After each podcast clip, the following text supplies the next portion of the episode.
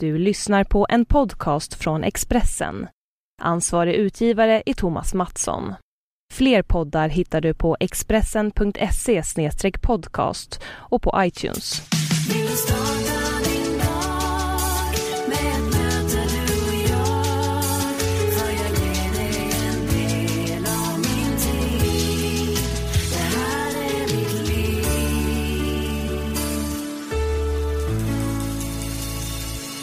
Hej och välkommen till ett nytt avsnitt av Livshjulet. Min gäst den här veckan heter Anna Bok och trots att jag har jobbat med nöjes och kändisjournalistik sedan 2007 är det här första gången jag träffar och intervjuar henne. Givetvis har vi stött på varandra på röda mattan många gånger genom åren men jag såg fram emot att sitta ner och prata med Anna ordentligt. Och här kommer alltså hennes livshjul så varsågoda Anna Bok.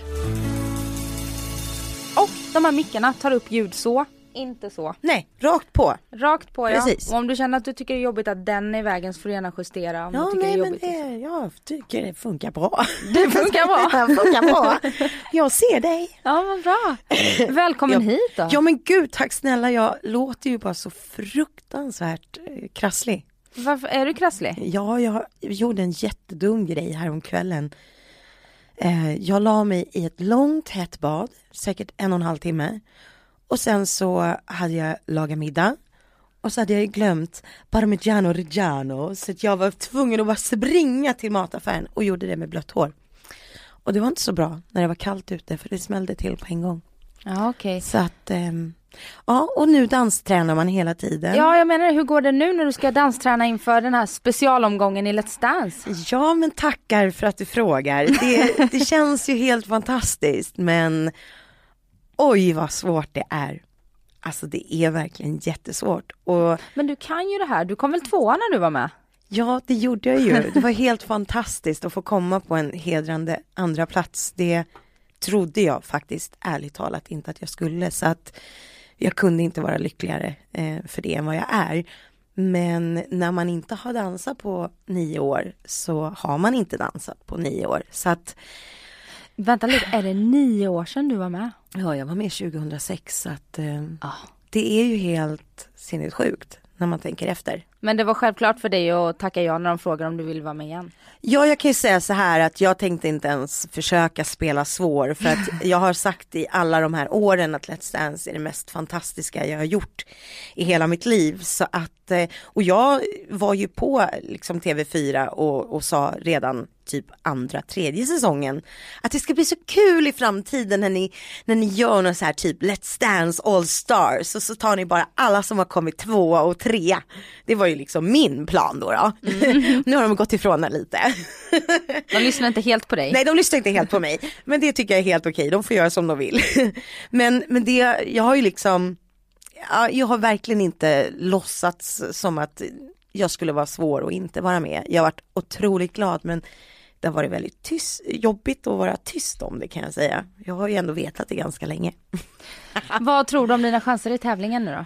Nej, men jag tror precis som faktiskt eh, som jag bestämde mig för att ändå liksom gå in med den här känslan av att liksom varför gör jag det här?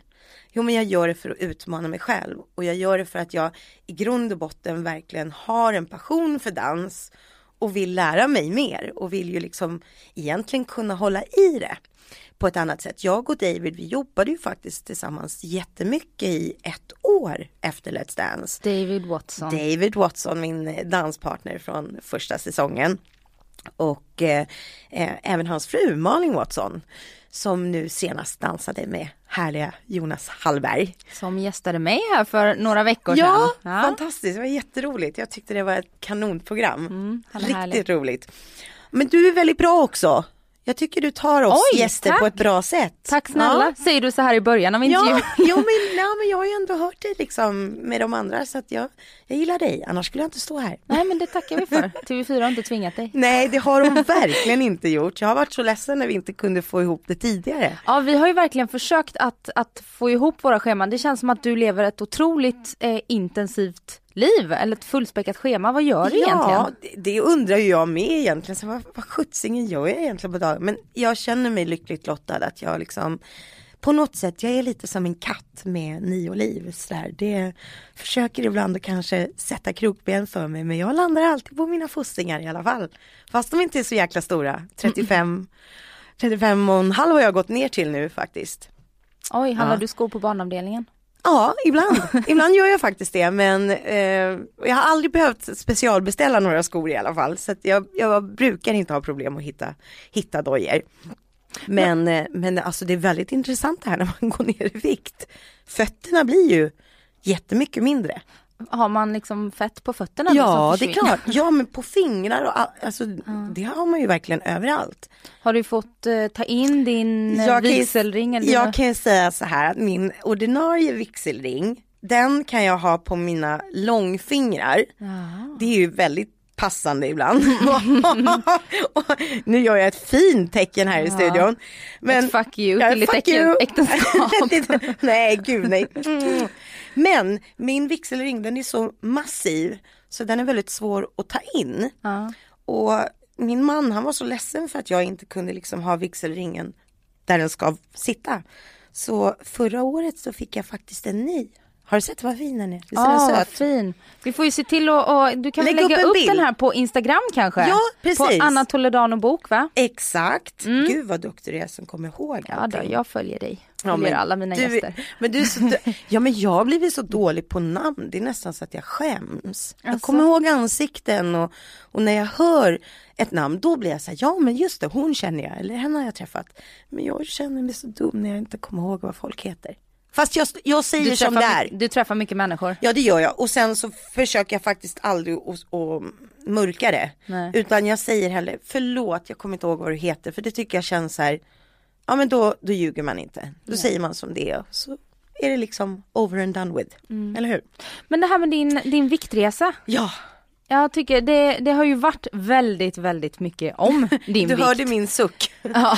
Så, Ja exakt, du får prata lite till om det. Ja, ja, Men du håller, ju, du håller ju på och dansar för fullt nu och sen har du och din dotters pojkvän Christos som Ja. var med i Biggest Loser. Ja. Ni har någon slags Anna Bok camp ja ihop. exakt, det har ju blivit det. A, B, C.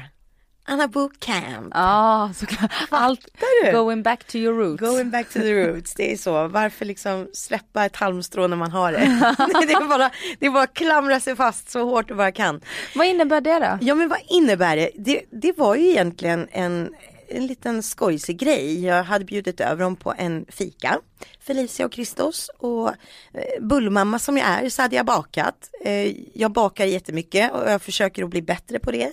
Och jag älskar ju att laga mat. Vet jag, alla också som följer din Instagram? Ja, de, de vet ju det. Jag vet, jag blir lite retad för det där ibland. Men jag skiter i det nu. Jag har bestämt mig för att nu tänker jag göra som jag vill i alla fall. och vara lite knäpp sådär. Men eh, då hade jag bjudit över dem på en fika och Kristus han tackade vänligt men bestämt nej till mina bakverk. Så jag skalade en sån här jättestor morot åt honom. Så sa jag, här varsågod, ät den här då, så jag. Skit i mitt, mina fina bakverk. Och han bara, men jag har ju precis sprungit en mil, då kan man ju inte paja det. Och då, sa, då skrattade jag åt honom och sa så här, wow, du är ju helt fantastisk. Spr- har du sprungit en mil? Sprang du hela tiden? sa jag. Ja det gjorde jag. Jag bara, alltså jag skulle inte ens palla att springa en minut sa jag. Och där föddes det någonting i honom att han tänkte att jo det kommer du visst kunna. Och då sa jag det, nej men jag har bara sprungit efter min man ett par gånger och efter någon enstaka buss. men det var ju länge sedan jag slutade åka kommunalt så att eh, som sagt var det var länge sedan. Men då sa han det att, "Ja, men Anna ska vi inte göra en, en utmaning? Och då sa jag, jo men om jag ska kunna liksom hålla i det här då måste jag ha en ordentlig utmaning som jag så här inte kan banga. Och då sa han, ja, men varför inte springa Tjejmilen? Och det var ju innan jag visste att det fanns så här vårruset och något som är en halv mil och ett, det finns något annat lopp som bara är tre kilometer och jag min idiot säger ju, ja men absolut. Så att eh, jag börjar med milen och det känns ju faktiskt jättebra nu. Det trodde jag inte. Har du sprungit vårhuset? Nej, men snälla jag har inte sprungit någonting. Jag Nej. skojar inte när jag säger att jag har inte sprungit. Eh, Du ska Nej. börja springa. Men nu ska jag börja springa och vi har varit ute och testat lite. Första gången eh, som jag verkligen testade att springa, då bestämde vi oss för att faktiskt egentligen ta med, ta med oss ett kamerateam. Och det var ju också så här idiotiskt, för vad tror du händer? Jo, jag springer och håller andan. Och då börjar man ju må illa. Så jag kräktes ju där. Bra tv. Jag har blir ju det. förstått det. Eh, så det där klippet det ligger ju där ute i cyberspace någonstans. Jag tror att det eh, ligger på någon sajt som heter kändis-tv eller något sådär. Där kan man se mig när jag springer så att jag liksom kräks. Men, Men men, det- nu har jag blivit lite bättre. Och du har ju eh, gått ner 50 kilo sa du till mig, lite Ja. drygt Ja. kanske. Precis. Eh, men du har 17 kvar som du vill gå ner. Mm, jag skulle tippa på att jag ligger på 77-78 och jag vill gå ner till, till eh, 60 kilo. Så att eh, det är en bit kvar men liksom för mig är det inte viktigt att jag ska göra nu innan Tjejmilen. Utan jag vill bara liksom, det jag måste jobba på det är ju min kondition. Jag har ganska, nu har jag precis gjort en, en hälsokontroll, det måste man ju göra för att, att bli okejad för Let's Dance Just det. eh, nu för tiden. Och då liksom kom jag precis på okej nivån. Och då var jag väl lite så här, jag var lite besviken för jag tyckte liksom, åh, jag har ändå kämpat och jag röker inte. Jag liksom dricker inte märkvärdigt mycket alkohol. Eh, alltså, nu kan jag inte ens minnas när jag drack sist liksom. Eh, så att det är inte ens en viktig grej för mig. Jag började dricka när jag var 30 så, så det, det kan jag ha eller vara utan. Men jag är inte någon sån här absolutist eller så och tycker liksom att usch och fy, det ska man inte göra. Det, på ett sätt är det ju lite synd att det i min bransch under de här, jag firar faktiskt 30 år som artist i år. Eh, Jag slog igenom när jag var 14 år, jag gjorde Killsnack och, och Solstolarna då 1985. Åh gud. Och Grattis. Tack så hemskt mycket. Ja, det, det är ju helt fantastiskt att man ändå har kunnat liksom vara kvar i den här branschen så länge. Vad har du att säga till dem? För det är många som tänker så här, Anna Bok hon är en av våra kändaste kändisar. Alla Mm. vet vem hon är, hon håller sig kvar. Men eh, det är Hon har inte gjort något. Sen ABC.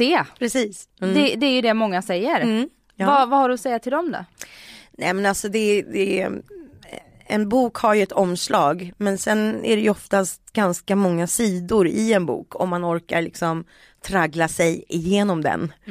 Man kan inte bara titta på omslaget och vända på boken utan man måste ju liksom Läsa hela Anna Bok. Ja precis, det kan vara fruktansvärt plågsamt, det förstår jag men, men det, så är det ju faktiskt. Och jag vilar i att jag vet vem jag är, var jag kommer ifrån, vad jag har gjort på vägen och lite vad jag har för mål i livet. Och det, det måste liksom räcka för mig. Och det, det man ska inte jag har många gånger när jag var yngre stressat för att vad ska folk tro? Att nu är inte jag aktuell med något för nu är jag inte i Melodifestivalen eller nu är jag inte i något sommarlovsprogram eller nu är jag inte med i Doobidoo eller.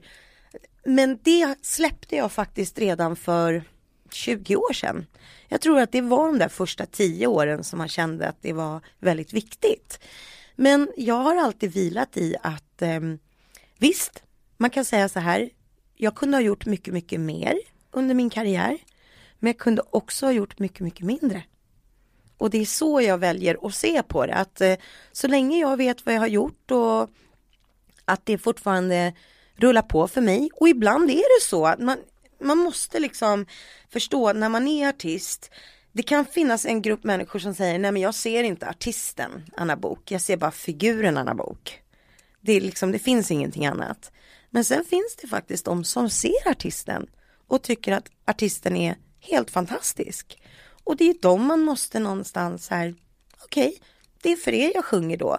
Och sen om man vinner några nya på vägen så vinner man några nya. Man kan liksom inte, man kan ju inte vara älskad av alla. Det funkar ju inte. Tyvärr, Det- jag tycker det är jättejobbigt. Ja, jag, jag, ty- jag tycker det är synd däremot bara att, att bli älskad av alla, det kan man väl liksom acceptera. Men, men att man inte blir respekterad Ja. av, av alla. Att, att respekten borde vara lite mer couture i bland oss människor. Det, det här, den här parollen att man är där man är och att man ska få vara som man är och eh, inte behöva liksom passa in i massa ramar och mallar och sådär. Det är ju så absurt egentligen att vi ska ens behöva ha den diskussionen. Eller hur? Eh, så, men jag tycker det är bra att, att det ändå att det finns några som är liksom, har möjligheten att vara lite förespråkare och där försöker jag ju vara en förebild. Och, och se liksom att eh, eh, man kanske har någonting att dela med sig av i alla fall. Liksom. Mm. Sen kan man ju inte få okej okay av alla. Men du sa att du släppte det här med karriärsstressen redan mm. för 20 år sedan. Mm, Visst är din äldsta dotter, hur gammal är hon? Ja hon är 23. Hon är 23. Ja. Var det någonstans där, för jag uppfattar det ju som att du är en väldigt så här, familjeperson mm. och, och mm. mammarollen är otroligt viktig. Ja det är ju nummer ett. Nej, ja precis. Skulle de fråga mig. Var det mig? när du fick Felicia som du började omprioritera lite? Ja, det gjorde jag absolut. Det har du helt rätt i. För att, eh, och det kände jag ju redan. Jag hittade faktiskt en jättefin eh, artikel som publicerades i Expressen. Ja, såklart. Naturligtvis. Alltid först med helt, allt. helt fantastiskt. Precis sex dagar innan jag fick Felicia. Mm. och eh, då sa jag väldigt, väldigt tydligt där att eh, jag har fokus på att, eh, att bli mamma nu. Det är nummer ett för mig och om jag måste liksom ja, ta jobb som lokalvårdare i framtiden, då blir jag en stolt lokalvårdare. Jag har liksom aldrig haft några hang-ups. Jag har varit på väg att börja jobba i affär och jag har haft alla möjliga planer. Jag, jag ville börja jobba på dagis ett tag. Jag, jag sökte seriöst. Alltså jobb. Du skulle passa på dagis? Ja, jag skulle vara skitbra för jag älskar ungar och, och har ju världens tålamod. Så att jag skulle vara jättebra på dagis. Men jag har ju ingen barnskötarutbildning. Så folk trodde ju att det var typ låsningen. Och jag, jag försökte verkligen göra ett ärligt försök att liksom skaffa ett vanligt, vanligt jobb och bara liksom för testa någonting. För att du ville det eller för, för att, att, du behövde det? Nej för att jag ville. För att jag bara kände så här. Jag orkar inte ha det här som min heltidssyssla. Jag bara kände det är för mycket så här stress och det och det var så långt ifrån mig för jag, jag är inte den. Jag är på ett sätt så är jag jäkligt självsäker och väldigt trygg i den jag är. Men den här branschen har en förmåga att liksom mässa lite med, med hjärnan faktiskt. Så att man måste vara väldigt stark och det är inte för alla. Det, det är inte det. Idag då, känner du att det är för dig idag? Absolut. Jag är helt övertygad om att eh, det är det här jag ska göra liksom. Och sen har jag mina drömmar och framtidsplaner eh, på att jag skulle vilja ha ett eget café och sådär. Och det har jag ju pratat om i många, många år. Det enda som har hindrat mig nu det är liksom ekonomin. Det har varit jättetufft med ekonomin. Jag har gått på några riktiga nitar och eh, det har varit eh, sinnessjukt att liksom återhämta sig ifrån att bli fullständigt liksom du vet bara okej okay, nu är du nere på dina knän och så har du liksom en Ja det, det har nästan känts som att man har varit på väg att bli avrättad. Det har varit så sjukt tungt. Så är det att, att det, det, inte har funnits några jobb eller är det att Nej du... jag har varit, jag varit lurad. Det, det är bara så det var och, och, och åkte på liksom skattesmällar som två stycken. Eh, och det är så man lär, man lär sig liksom vilka man ska jobba med och vilka man ska undvika att jobba med. Och jag, jag kan inte, man, man kan inte bara skylla på andra, man har ju ett eget ansvar också. Eh, men jag, jag kan tycka att det, det är en sån geggamoja och den geggamojan har jag liksom, den har jag lagt bakom mig. Men, och jag tror på det här ordspråket att man ska älska och förlåta. Och då brukar man ju också säga älska, glömma och förlåta. Mm. Det är mm. livets stora gåta. Men det där glömma, det kan man ju inte. För det finns ju alltid, minnet finns ju alltid kvar. Men man måste fokusera på att lägga saker och ting bakom sig och så ha fokus på att älska och förlåta. Och när man väl har förlåtit så så någonstans måste man ju gå mm, vidare. Måste gå vidare. Det är vidare. samma sak som otroheter och sådär. Att oh, ja. Har du förlåtit en person kan du inte komma och dra upp dig hela tiden. Nej, det går inte. För antingen så måste man göra det svåra valet att jag är ledsen men jag kommer inte kunna förlåta dig för det här. För jag, jag kan inte glömma. För jag kan inte glömma.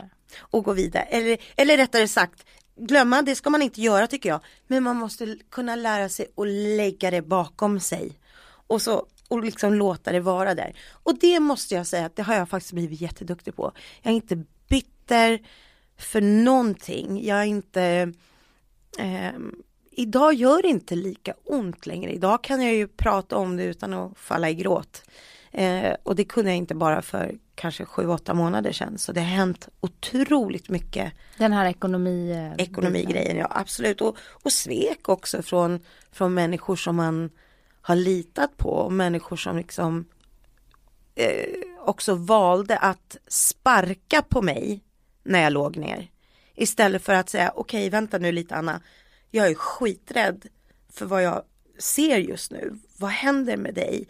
Berätta, hur mår du? Och, och sen liksom fortsätta och finnas där som ett stöd och istället så var det människor som bara, nej men vänta lite nu, nej men det här gillar inte jag, det här är inte okej, alltså vad håller du på med? Och så bara förs försvinner människor istället. Vänner?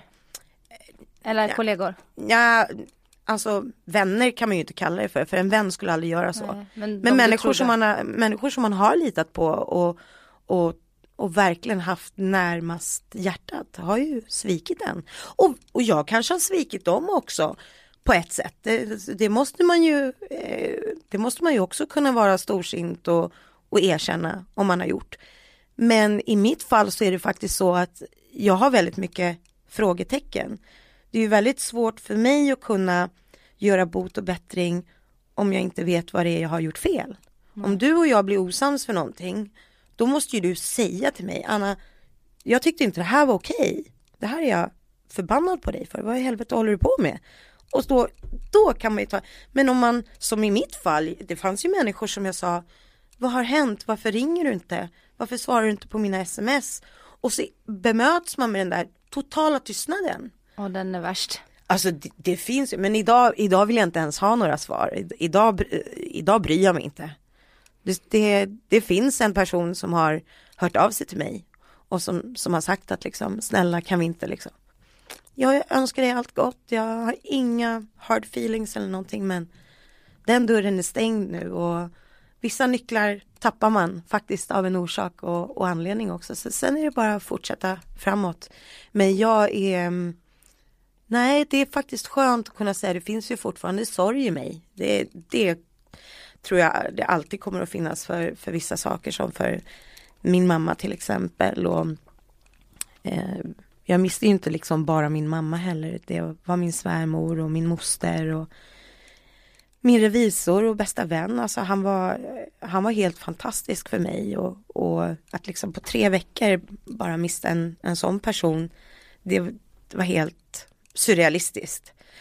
Så att jag, jag miste många närstående inom loppet av ett och ett halvt år och, och på det gå på den här, de här finansiella smällarna att bli så men jag menar att bli spottad på för att man har gått på ekonomiska smällar, det, det är ju bara skratta åt, för det är bara pengar. Mm. Och jobbar man, ja men då tjänar man nya pengar. Mm. Och då är det bara liksom betala skatten igen och börja om på ny kula och det, det är där jag står idag liksom. Så det är bara, finns ju bara en väg och det är framåt. Sen kan man backa om man vill men eh, alltså poängen är ju att ta sig framåt. Hur många år sedan är du förlorade din mamma nu? Det är, är fem och ett halvt år sedan nu. Mm. Så det är ju lång tid. Ja. Och men, men mamma, man, man kan, är mamma. mamma är mamma och jag kan säga att när, när det kommer till henne så gör det alltid ont. Det är nog det enda som jag aldrig kommer kunna prata om utan att börja gråta. Det är min mamma. Och det är liksom, nej, jag älskade min pappa också otroligt mycket och där har jag också fått höra så här absurda stories om mitt liv, människor som liksom bodde grannar med mig i Nacka som tror att de kände oss bara för det. Det är så här, de visste inte ett skit om min mamma och min pappa fast att de fick veta mycket så är det mycket som ändå, du vet, en familj är en familj, så är det ju. Och, och, min pappa var fantastisk för mig, men det var han bara för att min mamma var så jävla stark och alltid såg till att jag hade en fin relation med honom. För hade hon inte varit så stark och tagit mig och mina syskon till Spanien hela tiden, då hade inte min pappa funnits i mitt liv. För han var inte så, så stark och så drivande. Och sen vet jag att han älskade mig massor. Men, men han var inte av samma virke som, som min mamma. Och eh, när jag växte upp så var det ju mamma som, som var både mamma och pappa eftersom hon var den som fanns där hela tiden. Mm. Så att min mamma det är, det är ett eh, svart hål. Och när de säger att tiden läker alla sår så kan jag säga att det gör de inte. för, för mig blir saknaden nästan bara värre. Och speciellt nu när det händer så mycket fina grejer med barnen och de blir stora. Jag kan tycka på premiären av Let's Dance så kommer jag bara känna det viktigaste för mig där och då det kommer vara mina barn för då fyller min dotter 13 år. Mm. Och det är så här hon har redan, jag har sagt så här oj Vanessa, jag brukar alltid göra stora fester för mina barn och sådär. Och jag har redan sagt till henne, jag är ledsen gumman, men vi kommer nog få göra en fest lite senare för dig för att jag vet inte hur jag kommer att ha. Hon bara mamma, det enda jag behöver är dig och pappa och mina syskon. Jag behöver ingenting annat. Och liksom få höra det av en tjej som är 12 år och ska bli 13. Det är rätt så här. Det är så här, wow. Så att eh, skulle någon säga så här till mig, nej vet du vad, nu har det blivit eh, något knas här. Du måste välja, vara med familjen eller dansa i Let's Dance. Men då säger jag, tack så mycket. Då kliver jag av. Så är det liksom, så familjen är ju nummer ett. Mm. Men det känns fantastiskt att ha deras stöd och de är med sin sin eh, tokiga knasiga lilla mamma på alla möjliga upptåg. De tycker väl det är roligt också? De tycker det är du tar ju med dem. Ja, de tycker det är jätte, jätteroligt och eh, jag har ett fantastiskt stöd i dem så att, men de vet ju också att jag alltid försöker göra det som är bäst för dem. Och jag tänker när du pratar om din mamma, mm. det blir otroligt känslosamt ja. här. Eh, du själv som mamma, mm. eh, det låter som att du är lite lik. Mm. Fastän du verkar ha träffat en man som tar mer ansvar ja. än vad din pappa gjorde. Oh ja, ja. Honom, ska vi gå in på honom nu också så kommer jag bryta ihop igen. Ja, nu kör vi ett gråtkalas här. Ja, nu blir det gråtkalas. Nej men, nej men alltså, det finns ingen som jag litar så fullständigt på som jag litar på Roberto. Det är det, det har också funnits krafter som har försökt att förstöra mellan oss och utnyttjade min eh, sårbarhet när jag var liksom som allra, allra, allra, allra svagast. Det finns ju inget annat eh, ord för det. Eh, och som mörka krafter som verkligen gjorde sjuka saker för att förstöra mellan honom och mig. Men eh, det gick inte. Mörka krafter eh, tar jag som att det är elaka personer. Ja, elaka personer som systematiskt alltså gick in för att sprida negativitet i mig och, och jag drog också åt det hållet. Jag var lite så här, nej men för han var lite svartsjuk under en viss period och, och, och det var lite kämpigt.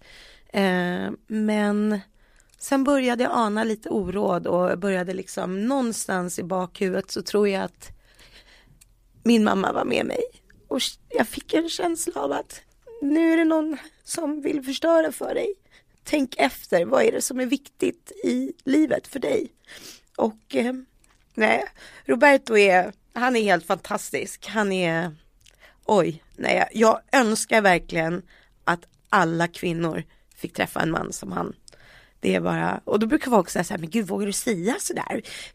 Du vet väl hur det är med tjejer och de, då kommer de lägga in en stöt. Det är bara så här, varsågod, give it your Försök. best. Ja. Roberto Toledano på Facebook, han finns tyvärr inte på Instagram. Du anar inte ofta jag får den frågan. men jag, ja, ja, det är sant. Vad heter din man på Instagram? Sorry, han har inte det, men han finns på Facebook. Men jag är så, jag är så safe med honom.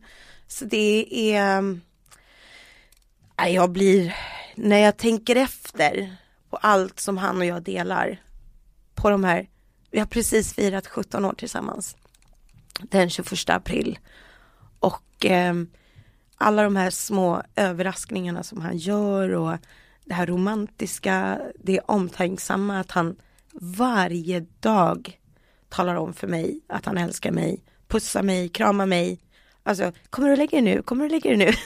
Nej, jag är nattmänniska, jag kommer inte än. Och så ligger han inne i sovrummet och snarkar. Och så skrattar jag och ungarna åt honom. Och så säger jag direkt, och bara, hur kan du sova med pappa när han snarkar? Så fort jag kryper ner i sängen, då är han tyst. Alltså det är sant. När jag lägger mig i sängen, då är det precis som att han känner att jag är där.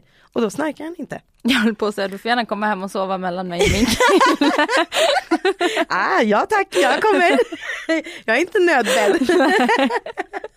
Särskilt efter en utekväll. Nej men precis. Nej men det, det, är faktiskt sant alltså. Det är helt otroligt. Och när, när jag är borta på jobb och han inte är med mig. Då är det så här. Ja klockan är typ fyra på natten och så säger vi till varandra. Nej men, ja, men vi lägger på nu. Jag bara mitt tåg går om två och en halv timme. Vi ses om fyra timmar.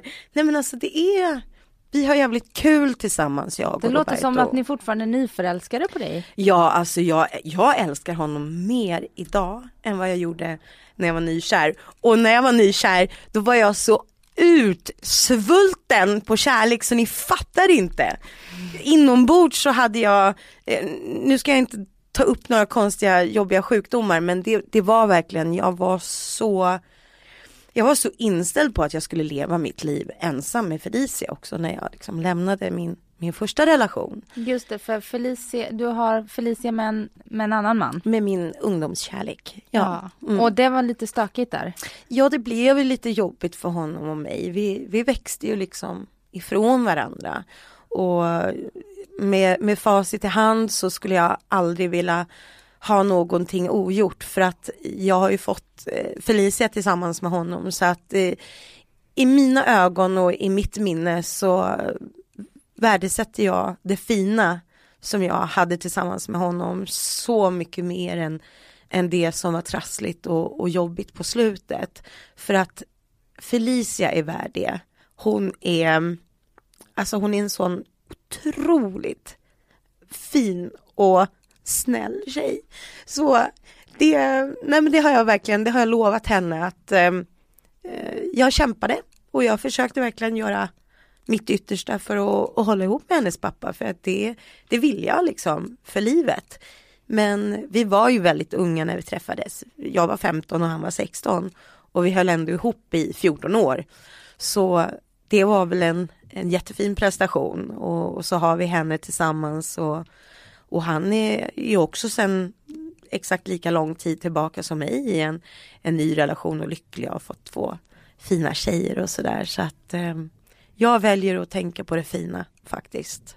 Ja. Har du gjort precis som din mamma gjorde med, med eh, dig, att du har varit väldigt mån om att Felicia ska ha en relation med honom eller ja, har ni delat har... det ansvaret, du och hennes pappa? Nej det har vi ju inte gjort och det här säger jag, jag måste ju vara ärlig, jag, jag har ju tagit väldigt mycket eget ansvar för Felicia. Men jag förstår ju idag varför det har varit så och jag skuldbelägger inte någon eh, och, och jag tar inte från någon dens rätt att liksom ha gjort rätt eller gjort fel. Eh, och jag har verkligen försökt. Det är klart att jag kunde också ha gjort saker och ting annorlunda. Jag var väldigt rädd att lämna ifrån mig Felicia och var väldigt mån om henne. Men eh, jag har ju alltid eh, pratat gott om Felicias pappa och, och alltid önskat att hon ska ha en fin och kärleksfull relation med honom. För de är också så otroligt lika varandra det är, det är inte bara mig hon är lik. Hon är jättelik sin pappa också på otroligt många sätt. Och jag tycker det är häftigt att titta på henne ibland och så kan jag känna att wow, gud vad hon är lik sin pappa. Och faktiskt vara lycklig i det. Och lycklig för det. Mm. det. det. betyder mycket. Mm. När, när det kommer till, om vi pratar om dig och, och Roberto nu då. Mm. Ja, vad tror du det är som eh, hos er, du säger att ni har en väldigt så här, mm. passionerad mm. och nästan nyförälskade fortfarande. Ja, ja. Men ni har ju också gått igenom allt det här med småbarn, ja. eh, tuffa perioder. Mm. Hur, hur tog ni igenom det? Förutom alltså, sunt förnuft. ja, nej men det är ju kommunikation. Vi pratar ju jättemycket med varandra. Eh, vi pratar med varandra om allt, även om det är jävligt tufft. Och ibland kan det vara, alltså ibland kan det vara riktigt hetsigt. Jag har ju ett otroligt temperament. Det, det kanske man inte alltid, det var någon gång jag varit arg på ungarna, vi var på en flygplats i Spanien. Hade köpt bara du vet märkeskläder till ungarna, dum som man är. Mm. Köper man dyra märkeskläder till barnen så får man kanske, ja så här haja att det kommer komma ketchup eh, på kläderna, eller förstår du? Mm. Så att som förälder får man ju liksom tygla sig ibland. Men jag kunde inte riktigt göra det på den där spanska flygplatsen. och ungen, lilla Antonio stackarn, han hade bestämt sig för att han skulle ha alla sina Ralph Lauren kläder på sig och det var vita shorts, och det var vit tröja, och det var vita skor och det var allt. Och så hade jag sagt till honom att ja men när vi ska flyga då vill jag inte se några fläckar på kläderna. Och det kan man ju inte säga till en Till liten barn. fyraåring. Nej men det funkar ju inte. Men jag erkänner som mamma, jag tappade mitt humör för han öppnade en sån här ketchupförpackning och det sprutar ju naturligtvis då ketchup på hela honom och på mig. Och då i ett mycket svagt ögonblick så var jag inte en snäll mamma. Då var jag väldigt dum. För jag skrek på honom, men jag sa inga fula ord i alla fall. Men jag skrek på honom och då var det en kvinna som sa det. Anna Bok, usch! Jag trodde aldrig det här om dig. Och jag fick till och med någon typ av En insändare. kvinna som bara var där. Ja, och råkade vara svensk mitt bland alla spanjorer. My luck. Ja. Nej men alltså och då, och då vart jag förbannad och då skickade hon till och med en insändare en gång till tidningen att hon tyckte att jag var så fruktansvärt elak mot mitt barn. Men jag och Roberto vi har alltid varit så här, vi kommunicerar väldigt bra. Ja. Och när, det kommer till barnen och allt det här, och även om jag är den som är lite explosiv, så jag är väldigt sådär, jag landar väldigt fort och jag är den första att erkänna när jag har gjort fel. Och det tror jag gör att för han och mig så blir det inte någon katt och råtta-lek.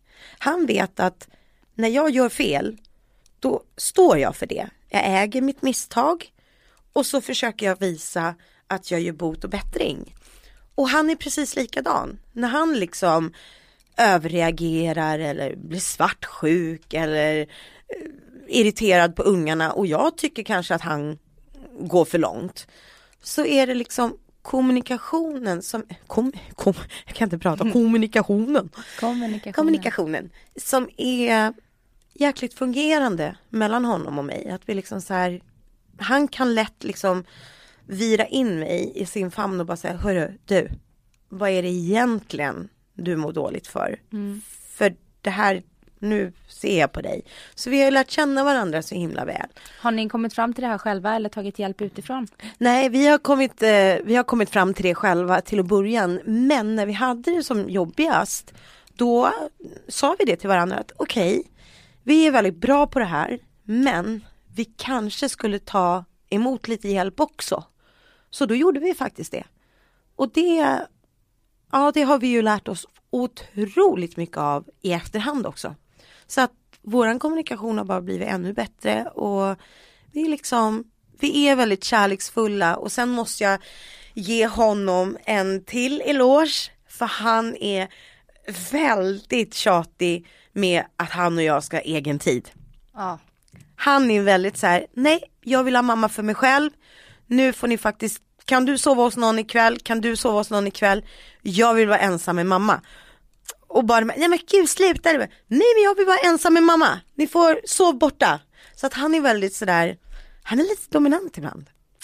And I like it. ja, jag tänkte precis säga Ja men alltså det är ju härligt att man har en man som vågar vara man i relationen utan att vara macho eller nedsättande eller liksom han är ju tvärtom, han lyfter mig. När jag säger så här, oj gud vad mycket urringning, han bara ja, gud det är skitsnyggt. Nej men det är för mycket. Han bara nej, kan aldrig bli för mycket.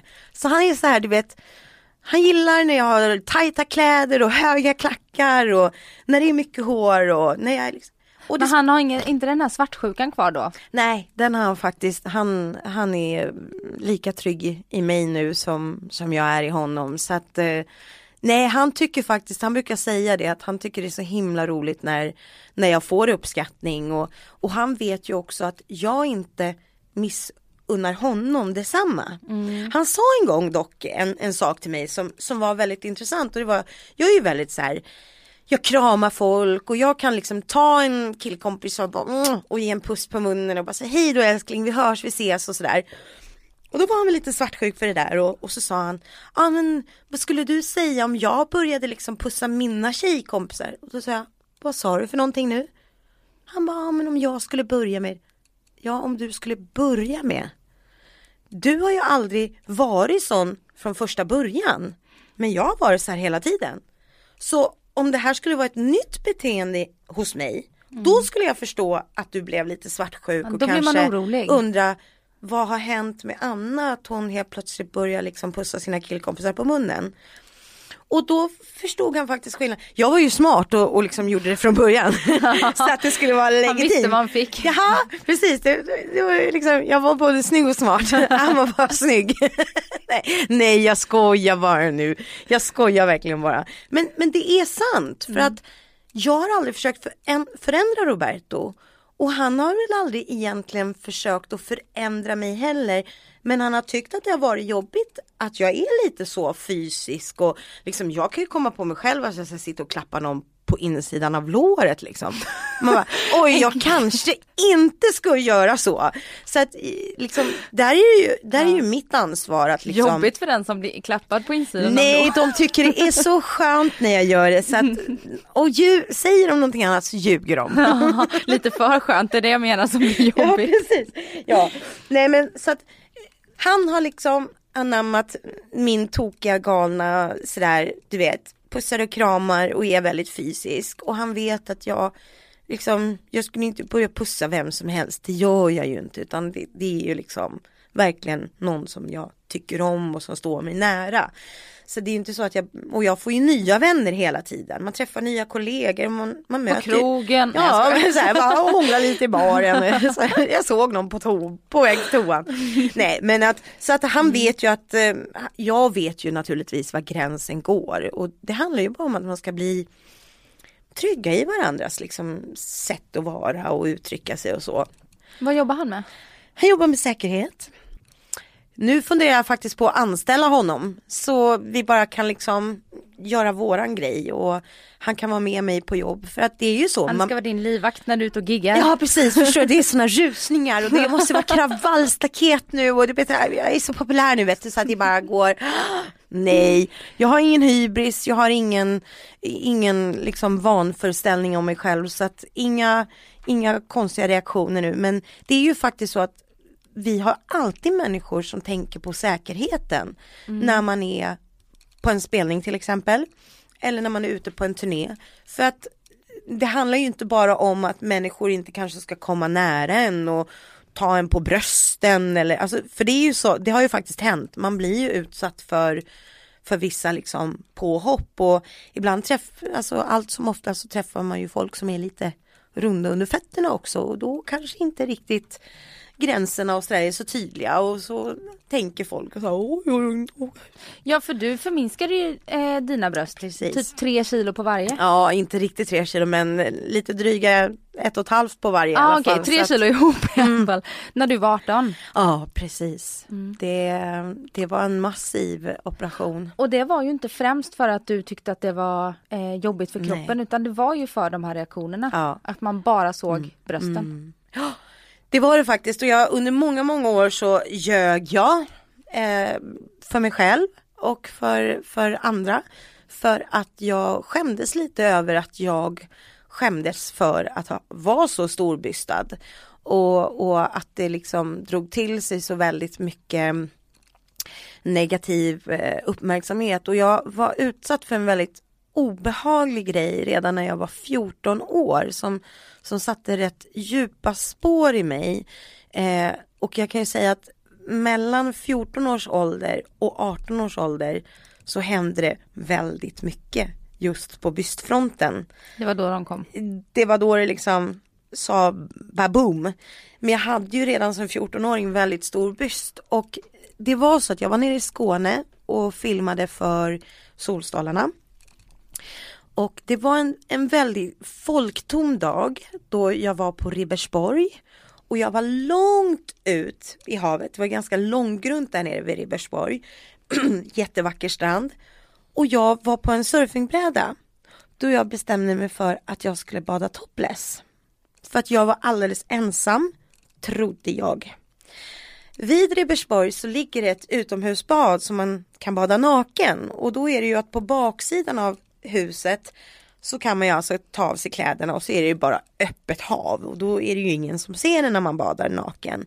Och jag var liksom nu vet jag inte någon riktning men jag var liksom till vänster om hela det här badhuset långt långt ut Och på då bryggan på baksidan av huset där folk badar nakna var det en man som sitter med en kamera och tar bilder på mig. När jag då ligger på den här surfingbrädan topless. Och han kände igen mig. Så att jag möter honom senare på land.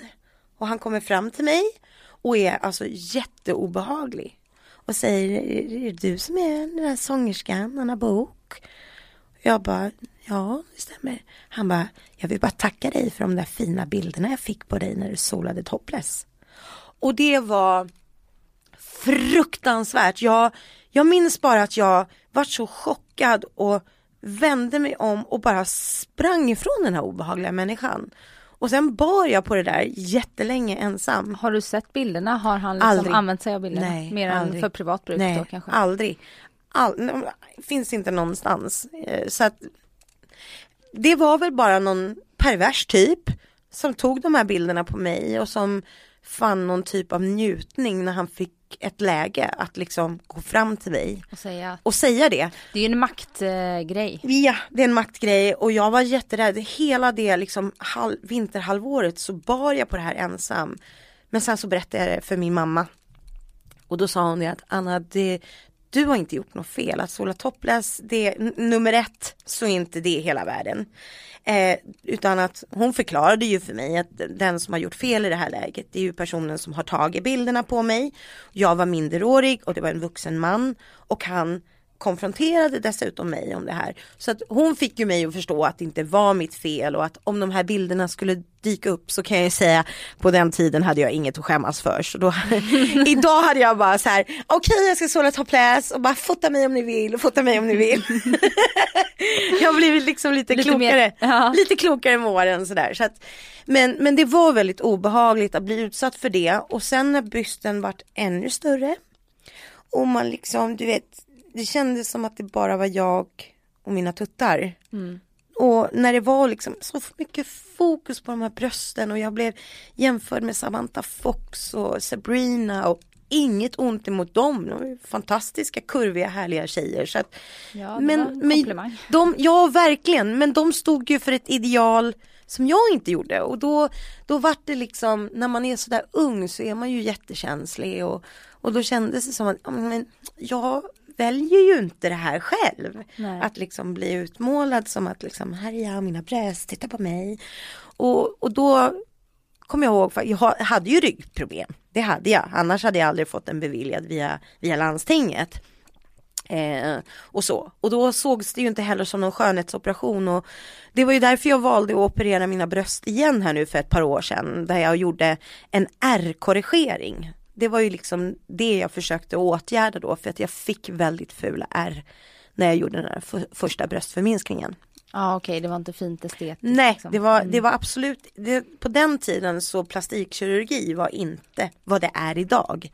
Jag tror aldrig man hade karvat i en ung människa på det sättet som de gjorde. Det var rätt läskigt faktiskt. Så att eh, med facit i hand så kan jag säga att jag faktiskt har ångrat den där bröstförminskningen faktiskt. Mm. Du får göra en För- förstoring nu. Ja men jag kanske gör det vet du. Jag, ser- jag är inte den som säger nej förstår du. Ja, nej, Hur tänker du eh, kring plastikkirurgi annars? Jag tänker jäkligt sunt kring det här med, med plastikoperationer. Jag tycker att är det någonting man mår väldigt, väldigt dåligt för psykiskt, då ska man nummer ett prata väldigt mycket om när man ska gå till någon kurator eller någon psykolog och så ska man eh, rent mentalt först och främst bearbeta vad det är man mår dåligt för och så, för det är jätteviktigt. Och ofta så har man ju en egen självbild och, och bilden som andra människor har av en är ju oftast inte identisk med ens egna.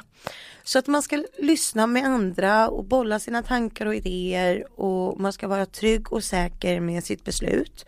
Och jag tycker inte att man ska göra någonting förhastat.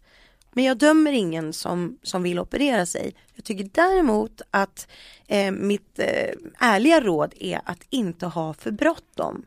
Utan att man ska vara trygg och säker. För det kan jag säga med min armplastik som jag gjorde efter eh, första året redan när, när jag hade börjat gå ner ganska mycket i vikt. Där var jag så tvärsäker på vad jag ville göra och, Och jag brydde mig inte liksom om det estetiska med R. Jag har liksom, som du ser här, ser du? Mm. Att, Ett R på undersidan, på undersidan av av armen. armen. Och, och det kan jag gå och lasra om jag vill så att ärren blir mindre synliga och allting. Men jag vill inte göra någonting sånt. Utan idag så funkar Jag kan köpa jackor och jag kan ha koftor och det blir inte de här jobbiga eksemen och, och den här enorma liksom instängdheten av att ha för mycket överskottshud som hänger ner på den undre överarmen. Så jag liksom, jag är supertrygg, jag kan sträcka upp mina armar och jag har mina ärr där. Så att, och, och det är likadant med ärret mitt på magen. Jag var ju väldigt ledsen efter mitt tarmvred som jag fick eh, 2009 och 2010. Ehm, För ärret. för ärret ja, jag, Men kände inte du, för du var ju livshotande fara då. ja. Kände du inte bara så här, jag överlevde, skit i ärret. Det var faktiskt Roberto som fick mig att inse det förr, förra sommaren, för två år sedan. Sommaren 2013. Då sa han det till mig, hörru du Anna, har du tänkt efter riktigt noga på vad, vad elak du är mot dig själv när du säger att, att det är så fult, ditt ärr på magen och har du tänkt efter vad det där ärret faktiskt symboliserar? Och det hade jag ju inte gjort, att jag faktiskt har legat för döden fyra gånger på grund av mina eh, bukproblem. Eh, det är ju egentligen helt absurt att man ska då känna att när man älskar att ha bikini för att man vill inte ha massa solränder och egentligen skulle jag vilja sola topless men jag gör inte det av respekt och hänsyn för min omgivning. Så jag liksom, jag chillar på den punkten. Men jag vill gärna ha liksom en bandå-bh som liksom inga, jag vill inte ha solränder på axlarna och sådär. Och att då gå omkring i baddräkt och få liksom hela kroppen vit och så, jag blir ju så fruktansvärt brun också. Ja. Så då sa han så här till mig att tänk efter att det där ärret det symboliserar faktiskt ditt liv. Skärp dig, lägg av. Och det viktigaste för mig nu det är bara hälsan. Jobba upp min kondition och, och liksom bli starkare.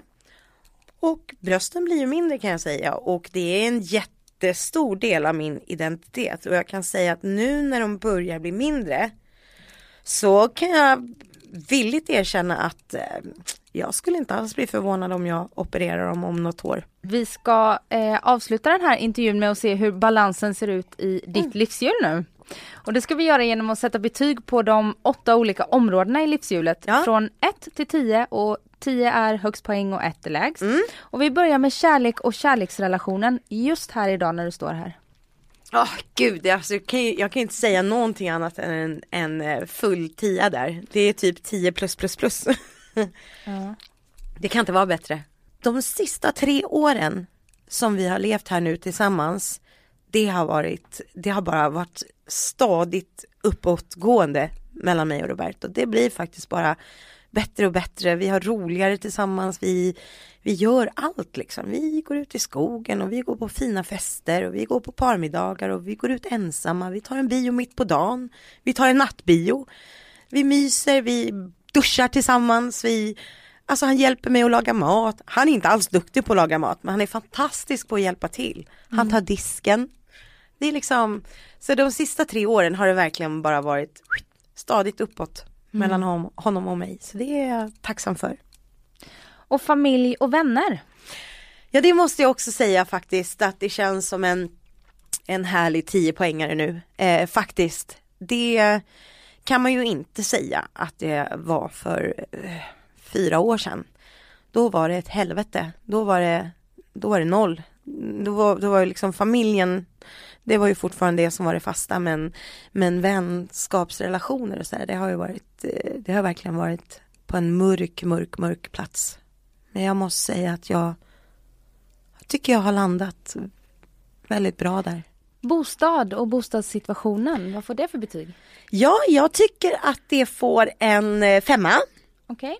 Jag är väldigt liksom trygg och nöjd och stabil och vi har våran bostadsrätt och den ligger ju helt fantastiskt vid Hagaparken. Vi bor grannar med kronprinsessan Solna. Victoria och Victoria. Victoria. Victoria. Jag var lite swingles där. Eh, det- jag har umgås så mycket med David nu så det blir lite svengelska. Nu skyller jag på honom, stackarn. Eh, och, och, och prins Daniel så förstår du, jag brukar se dem när jag är ute och powerwalkar. Nej jag skojar bara, jo det gör jag faktiskt ibland. Men eh, jag tycker det är väldigt bra men det är absolut inte mitt eh, drömboende.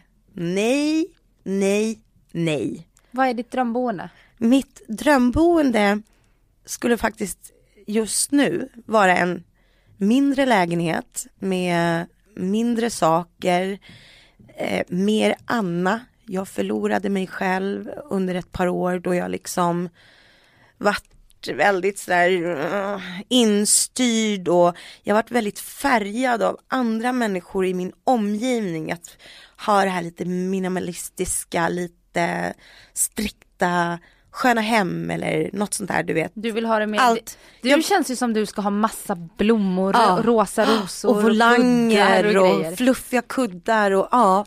Och bostad på en femma, vad får jobb och karriär? Mm. Ja men alltså den tycker jag, den är ju också, så- den är inte på topp. Jag tror att det finns massor som Anna Bok skulle kunna servera och fixa och göra en kokbok och ett eget tv-program och ett matprogram och vad mer kan jag säga som kan uppröra, störa och irritera någon. Eller väcka Mm. tankar hos Eller väcka människor positiv- som kan Precis. förverkliga detta. Jag skulle precis säga det. Nu hann du ta bladet ifrån munnen på mig. Nej men faktiskt, eh, jag skulle faktiskt säga att just nu så tycker jag det känns som en härlig sexa, sjua. Jag känner mig väldigt, eh, väldigt nöjd och glad med att jag får den här chansen att kliva ut på dansgolvet igen och massa roliga spännande saker vid sidan om och sådär. Så att jag, jag känner mig otroligt nöjd och glad och tacksam men eh, jag stannar inte vid det utan jag jobbar framåt men jag vill göra saker med, med kvalitet och förhoppningsvis någonting som är lite vettigt och, och kan bidra till positiva saker. Jag vill ju inte bara ge ut en kokbok för att ge ut en kokbok. Jag vill göra en sån här härlig bok som verkligen inspirerar människor att inte bara att det ska vara estetiskt vackert utan man ska faktiskt känna att men gud det här skulle jag ju klara liksom. Så att eh, man får ju sträva uppåt, eller hur? Ekonomi då? På tal om att sträva uppåt. Ja, ekonomin kan ju alltid bara bli bättre så att eh, jag kan tycka att just nu så känner jag väl, jag känner mig trygg. Och det är en, ah, det är en sån här enorm frihetskänsla där man så kan känna att ja men vi klarar oss. Eh, jag klarar mig. Det är enormt tillfredsställande. Men jag vet ju var jag kan vara någonstans eh, rent ekonomimässigt så att eh, för mig så skulle jag säga en femma för att jag känner mig trygg och jag känner mig så här jag klarar mig och jag kan ta ansvar för mina åtaganden men jag är absolut inte nöjd. Har du skulder kvar sen den här jobbiga perioden? Eh, nej, inga sådana, nej, ingenting som är så här tungt och, och, och, och jättejobbigt men lite finns det ju absolut, så, så är det ju. Så att, men, men det känns så här, ah, det är överkomligt, det, kom, det kommer gå bra, det kommer liksom att lösa sig. De där svarta åren när man liksom inte, man inte såg, man, man verkligen bara så här på riktigt famlade i mörker. Det är i alla fall borta. Så att eh, nu är det bara att jobba. Det är liksom gå till jobbet, gör ditt bästa, försök att prestera och sen kommer pengarna att rulla in så får man liksom bygga sin lilla buffert. Och i, i min bransch så svänger det ju så jäkla snabbt också så att det är bara spela korten rätt och liksom betala din skatt och vara smart och så kommer det bli bra. Hälsa, kost och motion idag. Ja men det kan också bli bättre. Eh, Jag, jag som sagt var, jag har ju många fördelar att eh, som gastric bypass opererad så, så har jag ju den här eh, devisen att jag måste äta mindre portioner och äta oftare så det får ju jag per automatik. Men fortfarande så är det här livspusslet även för mig som är lite jobbigt att man eh, att man ska få till det där att inte bara äta tre gånger om dagen utan man måste faktiskt äta, jag måste äta typ sju, åtta gånger minst per dag. Men då kan ett mål vara kanske två kokta ägg? Ja, precis. Eh, eller liksom lite keso, en avokado, lite broccoli och lite tonfisk eller så liksom. Ja. Så det behöver inte alls vara mycket. Men man måste äta lite kontinuerligt och jag kan säga att den sista veckan här så har jag skjutit mig själv i huvudet igen för jag har ätit alldeles för dåligt. Och då säger det så här, då säger det bara tvärnit på vågen, jag går inte ner ett gram utan det blir precis motsatt effekt. Jag går, Kroppen sparar på. den sparar på allt. Så att hälsan och det, jag skulle väl säga en, en sexa. Att jag tycker att den är, den är bra och det, det, det har ju gått verkligen uppåt för mig. Men det kan bli bättre. Oh ja, absolut. Och fritid, den Mm. tiden du inte jobbar eller har andra åtaganden. Mm. Där är ju jag mm, faktiskt värdelös. Eh, jag måste bli, måste bli lite bättre med, med att ha egen fritid och att liksom anamma den. Så den skulle jag nog säga att det är en fyra. Det är nog precis under medelvärdet där för att jag är, jag är lite dålig på det. Så det måste jag bli mycket bättre på. Och, och liksom inte vara rädd för att säga ungar, nu behöver jag faktiskt egen tid. Jag gjorde det igår och det var otroligt skönt när jag så här på riktigt så här låste in mig i badrummet, var där inne i två timmar och bara liksom gjorde allt jag behövde och tog det lugnt och kom ut och var så här superharmonisk och jag hade sträckt mig i min bröstmuskel. Aj. David han var först lite, han tittade på mig som att jag var ett ufo. Han bara I've never heard of that.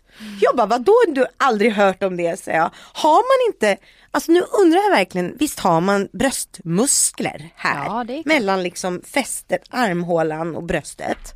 Ja man kan ju få otrolig Ah, träningsvärk där. Jag har sjukt ont i mitt vänstra bröst. Får man säga så? Nu kommer det bli löpsedlar. Boks satte vi bröstproblem. Ja. Sträck den muskeln, Ja, men jag det var har- inte så juicy. Ja, det- eller hur? Ja, nej, kanske inte. Nu ska jag inte stå här och smickra mig själv. nej, men alltså det, det gjorde susen att ta den där tiden för sig själv. Så den ska jag bli bättre på. Smart. Mm. Och personlig utveckling är den sista delen. Ja, det kan ju alltid bara bli bättre. Jag skulle ändå vilja säga faktiskt att jag tycker att jag har hamnat på ett mellanläge nu. För att jag är väldigt fokuserad och väldigt målmedveten. Tack vare att jag har nu Tjejmilen framför mig. Så vet ju jag liksom att jag planerar träning nu under hela våren och under hela sommaren. Och jag ser väldigt positivt på den. Så att även om jag säger en femma nu så är det en stark femma för att jag känner att det är en skön balans. Jag känner mig inte fullt lika stressad längre över att jag faktiskt har tackat ja till den här utmaningen. Utan jag kommer så pass långt så att jag känner att men det kommer gå bra. Det kommer, kommer vara helt fantastiskt att jag har tagit mig liksom från startlinjen till mål. Och sen så är det ju bara att sätta nya mål efter det. Så därför ska jag köra, jag säger redan nu, jag kommer köra Tjejmilen 2016 också, bara för att kunna jämföra med hur långt man kommer på ett år. Och om vi ska summera ditt livshjul här nu då. Ja. Du satte en tia på kärlek, en tia på familj och vänner. Bostad en femma, mer volanger och, och romantiskt. Jobb en sexa, sjua, ekonomi en femma, hälsa en sexa, fritid fyra och personlig utveckling en stark femma. Ja, verkligen. Det är fan inte dumt. Nu svor jag igen. Usch, usch Sofia-Anna. Ja men det kommer små kråkor ibland, det gör ju det. Men, ja, men det känns bra för det, det känns som att liksom, då finns det ändå, och just det där med, med kärleken och med familjen och det, att det känns som en tia. Men det känns ändå som att det bara finns potential att bli liksom en 20 och en 30 och en 50. Mm, och med På tanke den. på att, att familj och vänner för några år sedan var väldigt, väldigt lågt. Oh ja, absolut. Så har det hänt mycket. Du har Så lagt mycket det. fokus på det. Det har jag verkligen gjort och jag har verkligen, tro mig när jag säger att jag har verkligen eh, ransakat mig själv också. Och eh, det har faktiskt inte varit lätt. Eh, det, är inte, det är inte lätt att erkänna sina fel och brister. Det gör precis lika ont i mig som det kanske gör mot den som jag har gjort fel emot. Men har man ägt sina misstag så har man i alla fall gjort rätt för sig och mer kan man ju inte göra. Eller hur? Det är ju så, livet går vidare och man eh, älskar och förlåta. Och med de orden säger jag tack snälla Anna för att du kom hit och gästade mig. Tack Anna för att jag fick. Det var jätteroligt att vi fick ihop det här. Jag Verkligen. ber om ursäkt att jag är så svår och, och, och jag svänger åt höger och vänster och upp och ner och tappar tråden. Och... Det var värt väntan människa. och lycka till nu i Let's Dance. Tusen tack, stort stort tack. Mm. Och ha det bra nu. Var Hej då. Hej då. Hej.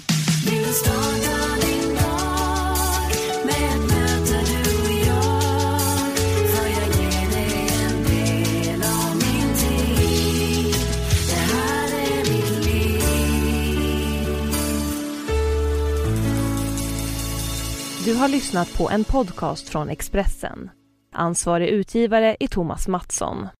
Fler poddar hittar du på expressen.se podcast och på iTunes. Snart startar vår stora färgfest med fantastiska erbjudanden för dig som ska måla om. Kom in så förverkligar vi ditt projekt på Nordsjö Idé och Design.